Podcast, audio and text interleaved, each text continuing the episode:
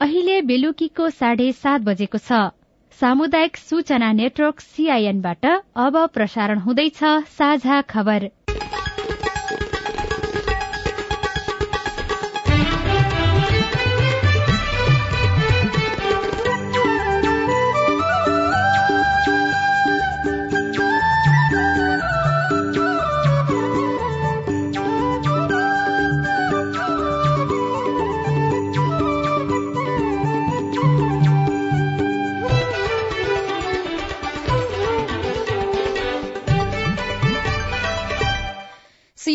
साझा खबरबाट रिसालको नमस्कार। साझा खबर देशभरिका सामुदायिक रेडियो सीआईएन खबर र मोबाइल एप सीआईएनमा पनि सुन्न सकिन्छ।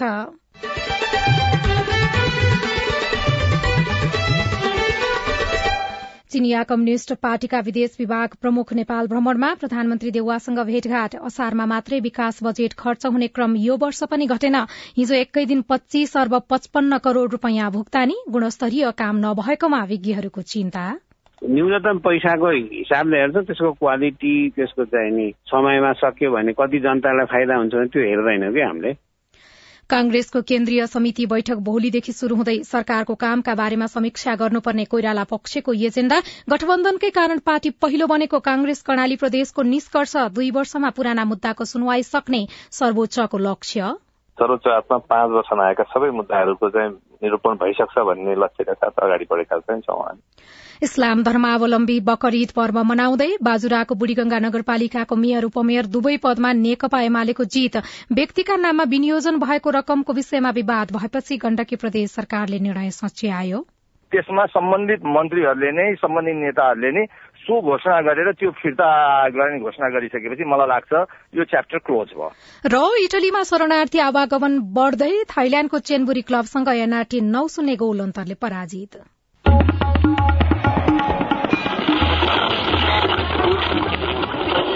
सयौं रेडियो। हजारौं रेडियो कर्मी र करोड़ौं नेपालीको माझमा यो हो सामुदायिक सूचना नेटवर्क सीआईएन बाढ़ी महाशाखाले देशभर रहेका दुई सय सत्ताइस केन्द्रबाट वर्षा मापन र एक सय छ केन्द्रबाट बाढ़ीको मापन गरी नागरिकलाई सूचना उपलब्ध गराउँदै आएको छ। महाशाखाको एघार पचपन्न नम्बरमा फोन गरेर पनि नागरिकले आफ्नो स्थानमा बाढ़ी र पहिरोको सम्भावना बारेको पूर्वानुमान बुझ्न सक्छन्। तर अझै पनि बाढ़ीको पूर्वानुमान धेरै नागरिकसम्म पुर्याउन सकिएको छैन। यसलाई व्यापक बनाउन सके बाढ़ी पहिरो र डुबानबाट हुन सक्ने क्षति घटाउन सकिन्छ। असार महिनामा ठूलो बजेट खर्च गर्ने प्रवृत्ति अझै अन्त्य हुन सकेको छैन।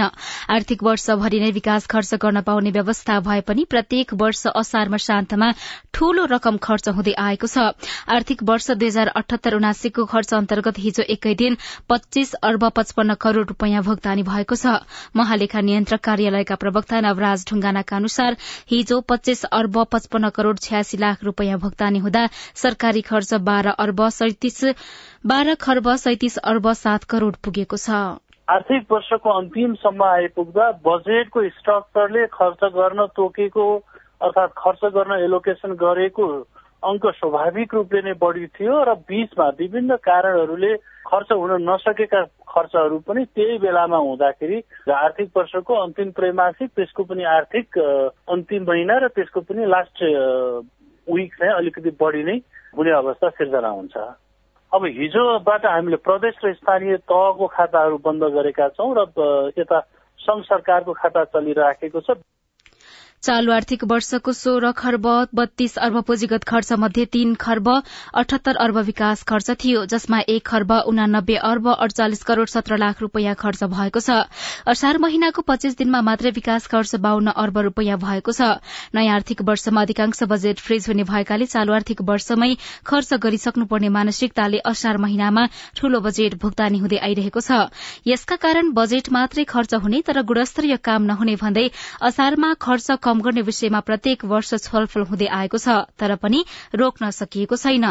यस्तो अवस्थाका कारण सरकारको ढुकुटी मात्रै रीति नै अर्थविद अनलराज भट्टराईले सीआईएनसँग बताउनुभयो। सबैभन्दा ठुलो कुरा के भने न्यूनतम बजेट भन्छ नि अब टेन्डर गर्दाखेरि सबैभन्दा सस्तोलाई दिने भन्ने कुरा छ होइन।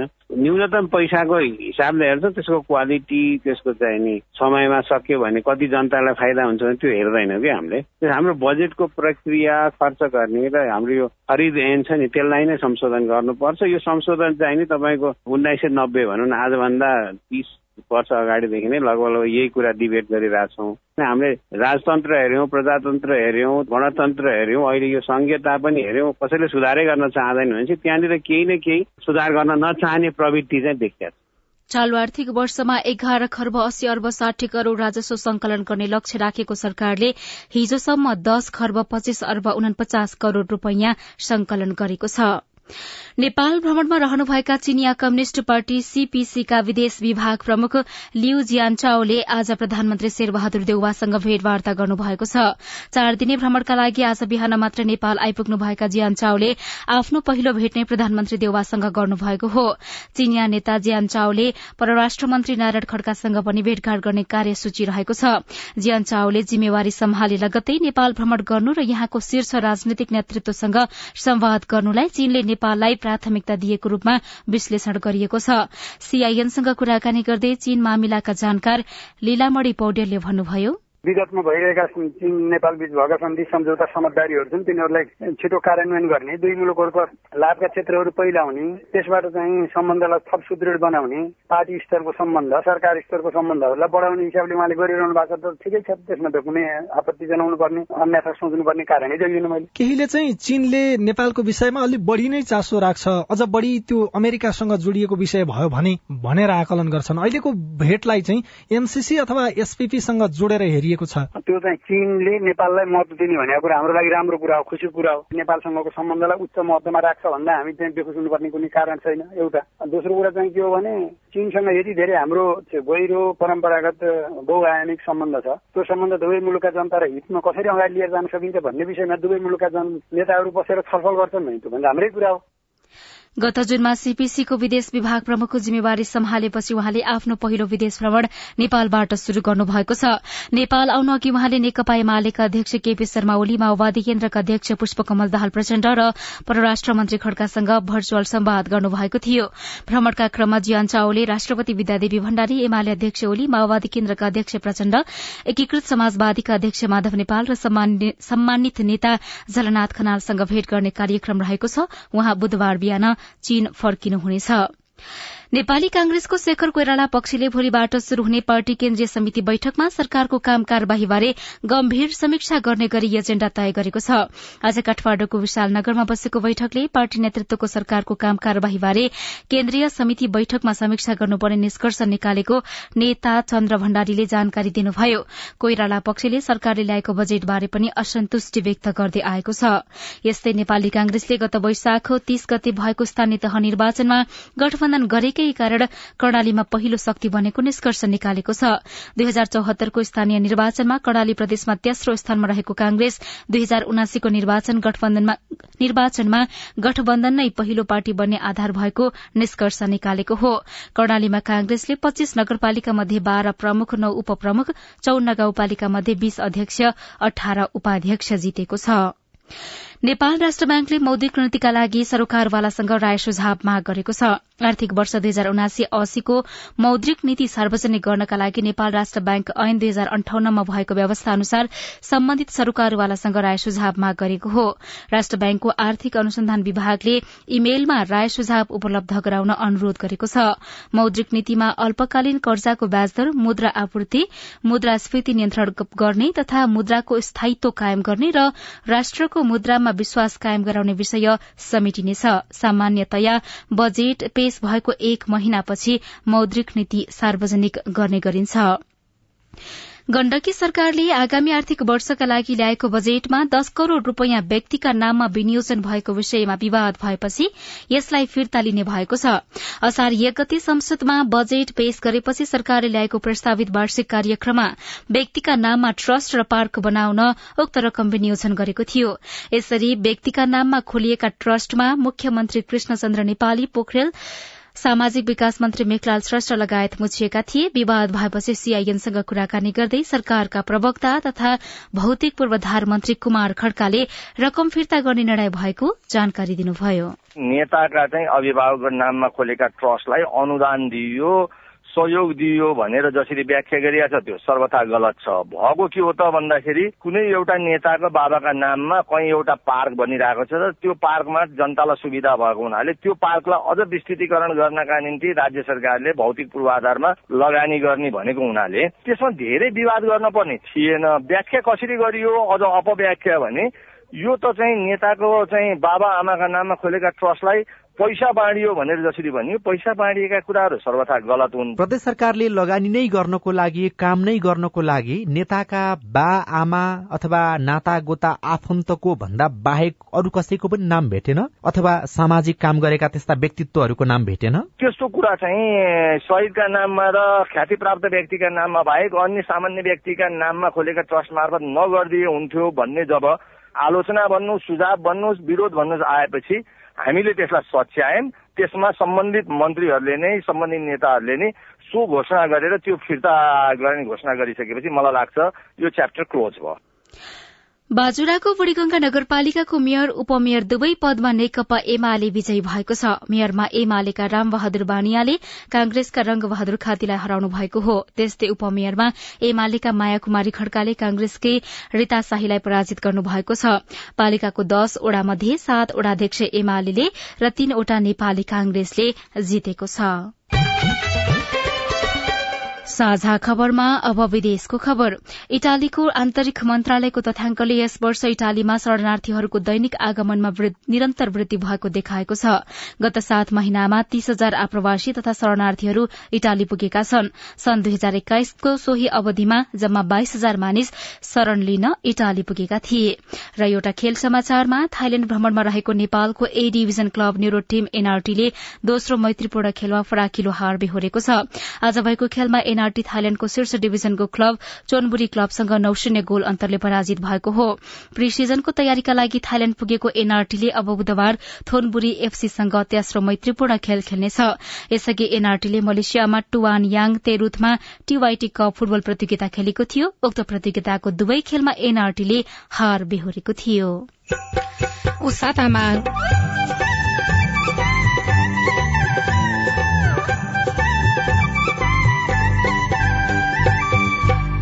गाउँमा नै प्रसुति सेवा पाएपछि सिन्धुपाल्चोकका गर्भवती महिलाहरू खुसी।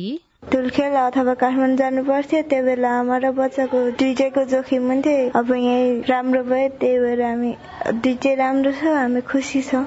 पैसा र समयको पनि बचत रिपोर्ट। कोरोना बारे बालपालिकाको प्रश्नमा बिकिएको जवाब सहितको विशेष श्रृंखला हाम्रो पालो बाँकी नै छ। सीआईएनको साझा खबर सुन्दै गर्नुहोला।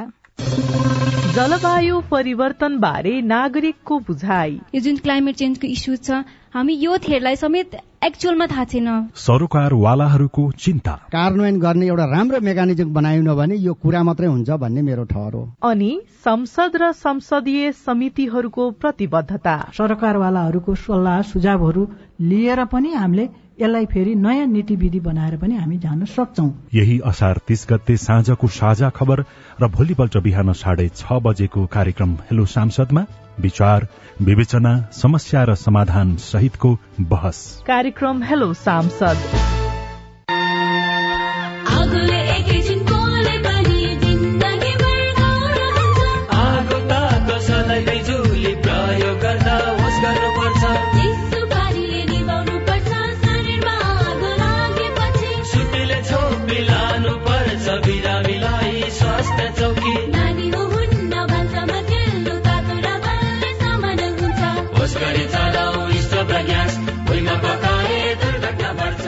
अग्निजन्य दुर्घटना भएमा शून्य एक पचपन्न पचपन्न छ आठ नौमा सम्पर्क गर्नुहोस्। बीबीएस नेपाल ललितपुर।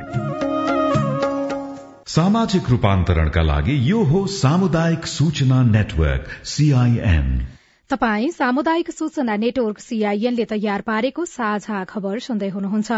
पछिल्लो चौविस घण्टामा देशभर एक सय एक्काइस जनामा कोरोना संक्रमण पुष्टि भएको छ। स्वास्थ्य तथा जनसंख्या मन्त्रालयका अनुसार तीन हजार पैंतालिस जनाको परीक्षणमा एक सय एक्काइस जनामा संक्रमण पुष्टि भएको हो। सर्वोच्च अदालतले विचाराधीन मुद्दाको संख्या घटाउन विचाराधीन पुराना बक्यौता मुद्दा न्यूनीकरण कार्ययोजना अघि सारेको छ। न्यायाधीश तिलप्रसाद श्रेष्ठ संयोजकत्वको अध्ययन समितिले दिएको प्रतिवेदनलाई साउन महिनाबाटै कार्यान्वयन गर्ने प्रवक्ता विमल पौडेलले सीआईएनसँग बताउनुभयो। पुराना मुद्दा व्यवस्थापनमा हामीले डेडिकेटेड बेन्च अथवा चारवटा बेन्च सर्वोच्च अदालतमा पुराना मुद्दाहरूकै सुनवाईको लागि चाहिँ निर्धारित गरी ती मुद्दाहरूमा अन्य हेर्दा हेर्दैका मुद्दा अन्य निवेदनहरू कुनै पनि टपअप नहुने गरेर पुराना मुद्दाहरूकै सुनवाई गर्ने गरी व्यवस्थापन गर्न खोजिएको छ। त्यति गर्दाखेरि हामीले चाहिँ दुई वर्षभित्रमा सर्वोच्च अदालतमा पाँच वर्षमा आएका सबै मुद्दाहरूको चाहिँ निरूपण भइसक्छ भन्ने लक्ष्यका साथ अगाडि बढेका चाहिँ छौँ हामी।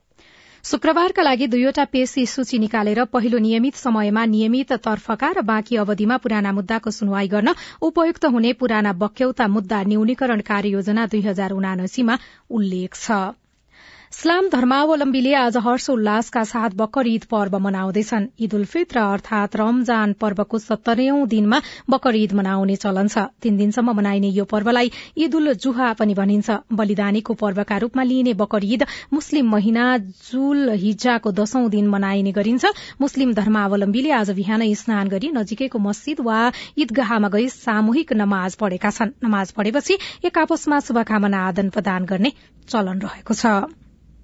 सिन्धुपाल्चोकका गर्भवती महिलाहरूले अबदेखि गाउँमा नै प्रसूति सेवा पाउने भएका छन्। असामान्य अवस्थामा शल्यक्रियासहित सुरक्षित प्रसूतिका लागि धुलीखेल वा काठमाण्डौसम्म जानुपर्ने बाध्यता हटेपछि सिन्धुपाल्चोकका महिलाहरू खुशी भएका छन्।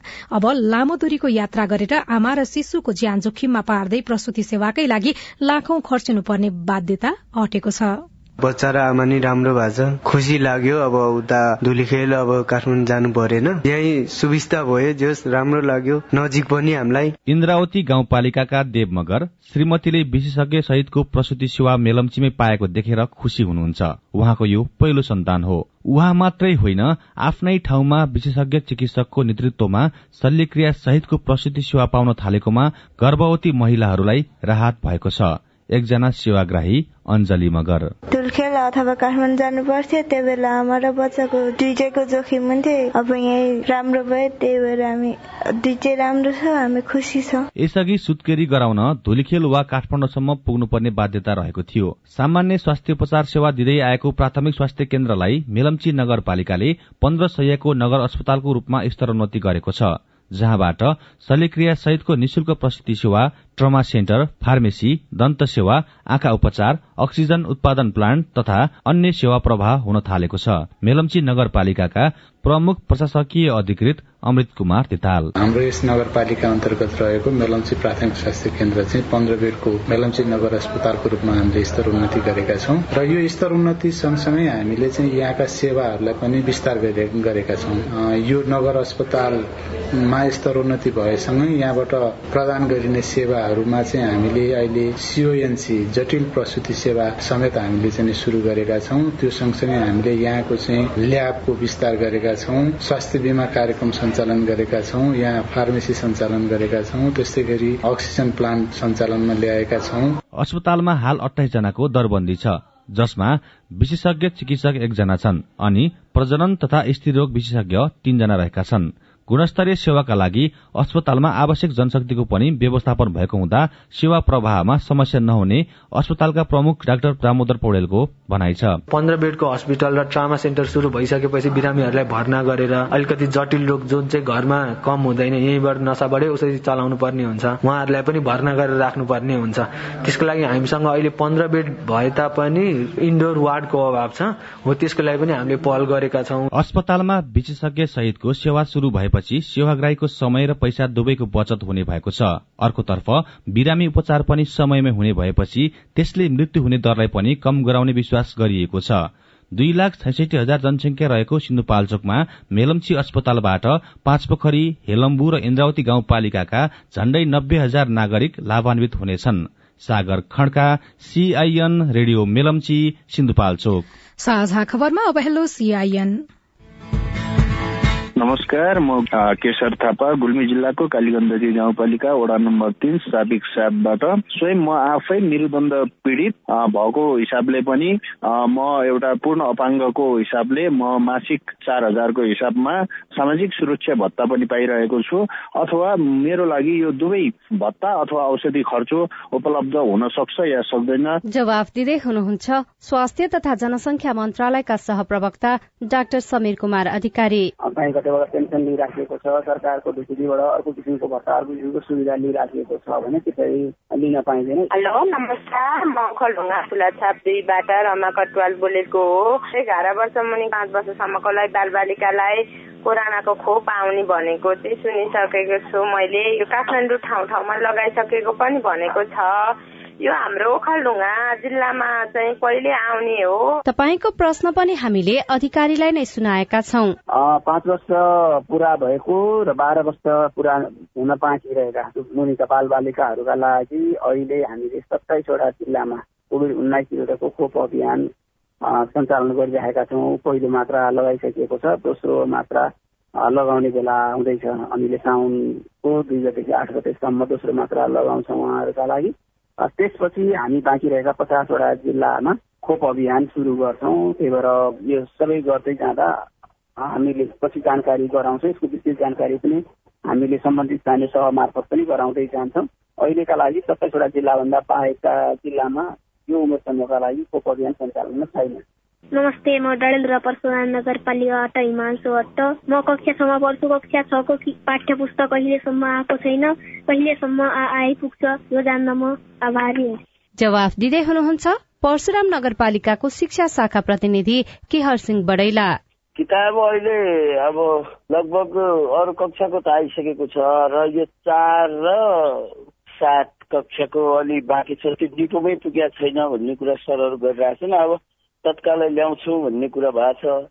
तपाई जुनसुकै बेला हाम्रो टेलिफोन नम्बर शून्य एक बान्न साठी छ चार छमा फोन गरेर आफ्नो प्रश्न जिज्ञासा गुनासा अनि समस्या रेकर्ड गर्न सक्नुहुनेछ। तपाई सामुदायिक सूचना नेटवर्क सीआईएनले काठमाण्डुमा तयार पारेको साझा खबर सुन्दै हुनुहुन्छ। दुवै मात्रा खोप लगाएका बालबालिकाले बुस्टर डोज लगाउनु पर्दैन? दोस्रो पटकको खोप लगाइसकेपछि किन बुस्टर डोज नलगाएको दोस्रो डोज लगाएको तीन महिनापछि लगाउनलाई पटक पटक आह्वान गरि पनि सकेको छ। बाल बालिकाको प्रश्नमा विज्ञको जवाब सहितको विशेष श्रृंखला हाम्रो पालो बाँकी नै छ। सीआईएनको साझा खबर सुन्दै गर्नुहोला।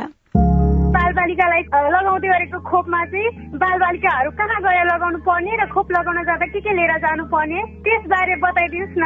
मेरो जिज्ञासा के छ भनेपछि हामी विद्यार्थीहरू एकदमै जोखिममा छौँ तर पनि हामीहरूले समयमा खोप उपलब्ध हुन सकेको छैन। कोभिड बारे तपाईँको चासो अब हाम्रो पालोमा। कोभिडसँग जोडिएका थुप्रै बालबालिका तथा युवाहरूका प्रश्न र सरकारवालाको जवाब सहित हरेक आइतबार साँझको साझा खबरमा प्रस्तुत भइरहेको छ हाम्रो पालो। कोभिड पछि घरको बसाई बाल तथा युवा मस्तिष्कमा पर्ने प्रभाव यसले मनोविज्ञानमा पारेको असर कोभिडमा मानव सुरक्षा र कोभिड विरूद्धको खोप लगायत तपाईँलाई लागेको विषयमा हाम्रो आइभीआर नम्बर शून्य एक बान्न साठी छ चार छमा प्रश्न गुनासो तथा प्रतिक्रिया रेकर्ड गराउनुहोला। सरोकारवाला निकायको जवाब सहितको हाम्रो पालो देशभरिका सामुदायिक रेडियोमा प्रसारण भइरहेको छ। सामाजिक रूपान्तरणका लागि यो हो सामुदायिक सूचना नेटवर्क सीआईएम तपाई सामुदायिक सूचना नेटवर्क सीआईएनले काठमाण्डुमा तयार पारेको साझा खबर सुन्दै हुनुहुन्छ। साझा खबरमा अब प्रस्तुत छ विशेष श्रृंखला हाम्रो पालो।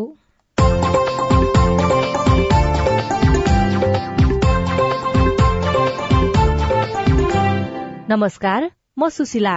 हाम्रो पालोमा हामी कोविड लगायत अन्य विपत्तिमा बाल सुरक्षा बाल अधिकार लगायत किशोर किशोरी र युवाहरूका प्रश्न लिँदै त्यसको उत्तर खोज्ने प्रयत्न गर्नेछौ।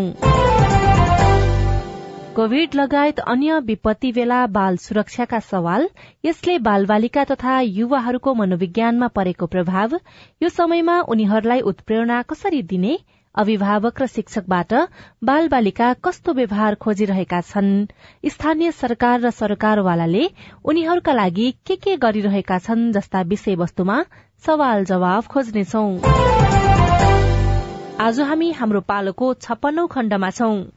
पछिल्लो समय सरकारले बाह्र वर्ष मुनिका पाँच वर्ष माथिका झण्डै बीस लाख बाल बालिकालाई कोरोना विरूद्धको पहिलो मात्रा खोप लगाइसकेको छ। बाँकी रहेकाहरूलाई पनि भदौ महिनासम्म पहिलो मात्रा खोप लगाइसक्ने लक्ष्य सरकारको रहेको छ।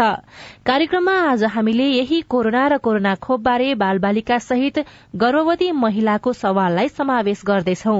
जसको जवाफ दिँदै हुनुहुन्छ शुक्रराज ट्रपिकल तथा सरुवारोग अस्पतालका चिकित्सक डाक्टर शेरबहादुर पुन। नमस्ते म कास्की पोखराबाट मेरो प्रश्न छ पाँच वर्ष पुरा नभएको बच्चालाई दुई महिनाले पुरा भएको छैन पाँच महिना खोप लाउनुहुन्छ कि हुँदैन भन्ने मेरो प्रश्न हो अब एक दुई महिनाले तलमाथि भएर खोप लाउने नमिल्ने भन्ने होइन त्यहाँ तर अब हामीहरूको एउटा जुन नियम बनाएको छ त्यो चाहिँ पाँच वर्ष पुरा पुगेकोलाई दिने भनिएको छ। तर यदि केही गरी एक दुई महिना तलमाथि छ लगाउने इच्छुक हुनुहुन्छ भने खास त्यस्तो फरक पर्ने चाहिँ होइन। गाउँपालिकाबाट हामी अठार मुनि वर्षका बालबालिकाहरूलाई दोस्रो पटकको खोप लगाइसकेपछि किन बुस्टर डोज नलगाएको हो? लगाउनु पर्ने भए किन नलगाएको र नलगाउनु पर्नुको कारण किन होला? बुस्टर डोज नलगाउने भन्ने होइन बुस्टर डोज चाहिँ लगाउनु पर्छ र नेपाल सरकारको आफ्नै नियमहरू छ भनेको मतलब उनीहरूले यो समयमा चाहिँ अब हामीले बुस्टर डोज लगाउने भनेर छुट्टै एउटा तालिका निकाल्छ। सम्भवतः त्यो तालिका पनि छिटै निकाल्नु पर्ने भन्ने हो। किन भन्दाखेरि योभन्दा अगाडि नै जो जसले पहिला लगाइसकेको छ उहाँहरूले चाहिँ दोस्रो डोज लगाएको तिन महिनापछि लगाउनलाई पटक पटक आह्वान गरि पनि सकेको छ। सम्भवतः जुन जुन ठाउँमा पहिला दिएको थियो त्यो ठाउँमा हुनुपर्छ। त्यो पहिलाको जुन प्राप्त भइसकेको जुन विवरणहरू छ त्यो लगेर जानुपर्ने हुन्छ। त त्यसपछि चाहिँ उहाँले बुस्टर दिनुहुन्छ।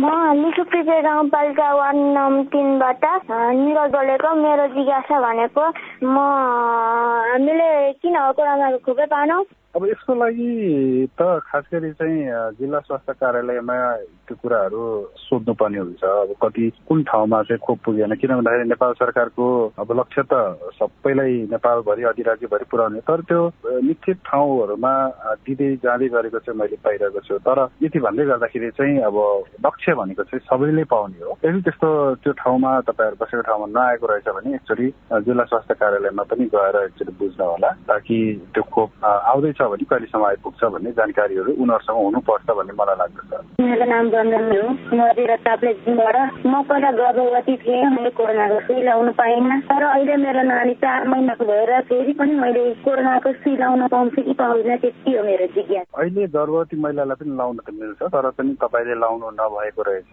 त्यो गर्भवती महिला बच्चा भइसकेपछि उहाँहरूले चाहिँ मजाले लाउनु मिल्छ। त्यसमा तपाईँले शङ्का गर्नु पर्दैन र म फेरि त्यसको लागि चाहिँ त्यहाँ नजिकै जिल्ला स्वास्थ्य कार्यालय नै भन्छु किन भन्दा उनीहरूले यो खोपहरूको बारेमा सुन्ने अथवा उनीहरूले दिने यो खालको प्रक्रियाहरू छ मिलाउने गर्छ।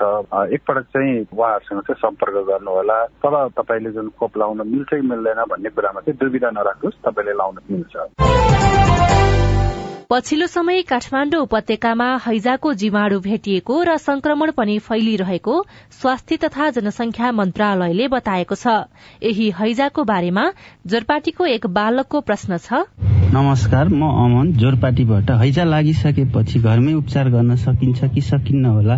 सकिन्छ भन्ने उपचारको विधिहरू के के छन्? यसको पनि जवाफ दिँदै हुनुहुन्छ संक्रामक रोग विशेषज्ञ डाक्टर शेरबहादुर पुन। अब हैजा पनि एक प्रकारको झाडा पखाला नै हो। त्यसले गर्दाखेरि हैजा दसमा कम्तीमा एक या दुईजनालाई कडा हुन्छ भन्ने गरिन्छ। त्यसले गर्दाखेरि चाहिँ यदि कडा कडा भनेको चाहिँ अचानक बान्ता पनि भइराख्नु र चौलानी पानी जस्तो अचानक पखाला पनि लागिराख्नु। यो दुईटा कुराहरू भयो भने अब घरमा म घरेलु उपचार गर्छु बस्छु औषधि खान्छु भनेर नबस्नुहोस्। किन भन्दाखेरि हैजा यसै कारणले गर्दाखेरि नै हामी अलिक बढी संवेदनशील भएर बढी चर्चामा आएको यो रोग हो। भने अब हैजाले सबैलाई त गर्दैन। अघि मैले भनिहालेँ दसमा एक या दुईजनाले गर्छ। त्यसो भए बाँकी चाहिँ के लक्षण नभएका के सामान्य लक्षणका हुन्छन्? सामान्य लक्षण यसरी बुझ्नुहोस् कि अब छ आठ घन्टाको अन्तरालमा थोरै पखाला लागिरहेको हो भने तपाईँले त्यही त्यसैको अनुपातमा चाहिँ जीवन जलहरू बनाएर निरन्तर पिउनुहोस् र झोलिलो चिजहरू प्रशस्त पिउनुहोस् खानुहोस् त्यसले नै तपाईँलाई चाहिँ राम्रो हुन्छ। तर मैले फेरि पनि दोहोऱ्याउनु चाहे यदि केही कडा खालको भएमा चाहिँ घरमा नबस्नु होला तुरन्त अस्पताल जान चाहिँ म सल्लाह दिन चाहन्छु। धन्यवाद। शुक्रराज ट्रपिकल तथा सर्वारोग अस्पतालका चिकित्सक डाक्टर शेर बहादुर पुनलाई। तपाईँका प्रश्न तथा जिज्ञासाको लागि तपाईँको आवाज रेकर्ड हुने आइभीआर नम्बर शून्य एक बान्न साठी छ चार छमा फोन गरेर प्रश्न तथा जिज्ञासा र विचार रेकर्ड गराउनुहोला। अर्को हप्ता प्रश्नको उत्तर खोजौला। साझा खबरमा हाम्रो पालो आजलाई यति। अब तपाईँको पालो। सिनिया कम्युनिष्ट पार्टीका विदेश विभाग प्रमुख नेपाल भ्रमणमा रहनु भएको छ। असारमा मात्रै विकास बजेट खर्च हुने क्रम यो वर्ष पनि घटेको छैन। हिजो एकै दिन पच्चीस अर्ब पचपन्न करोड़ रूपियाँ भुक्तानी भएको छ। गुणस्तरीय काम नभएकोमा विज्ञहरूले भने चिन्ता व्यक्त गरेका छन्। कांग्रेसको केन्द्रीय समिति बैठक भोलिदेखि शुरू हुँदैछ। सरकारको कामका बारेमा समीक्षा गर्नुपर्ने कोइराला पक्षले एजेण्डा तय गरेको छ। गठबन्धनकै कारण पार्टी पहिलो बनेको कांग्रेस कर्णाली प्रदेशले निष्कर्ष निकालेको छ। दुई वर्षमा पुराना मुद्दाको सुनवाई सक्ने सर्वोच्च अदालतले लक्ष्य निर्धारण गरेको छ। इस्लाम धर्मावलम्बी बकर ईद पर्व मनाउँदैछन्। बाजुराको बुढीगंगा नगरपालिकाको मेयर उपमेयर दुवै पदमा नेकपा एमाले जीत निकालेको छ र इटलीमा शरणार्थी आवागमन बढ़न थालेको छ। आजलाई साझा खबरको समय सकियो। प्राविधिक साथी सुरेन्द्र सिंहलाई धन्यवाद। भोलि असार सत्ताइस गते बिहान छ बजेको साझा खबरमा फेरि भेटौँला। अहिलेलाई सोभिता रिसाल पनि विदा हुन्छु। नमस्कार शुभरात्री।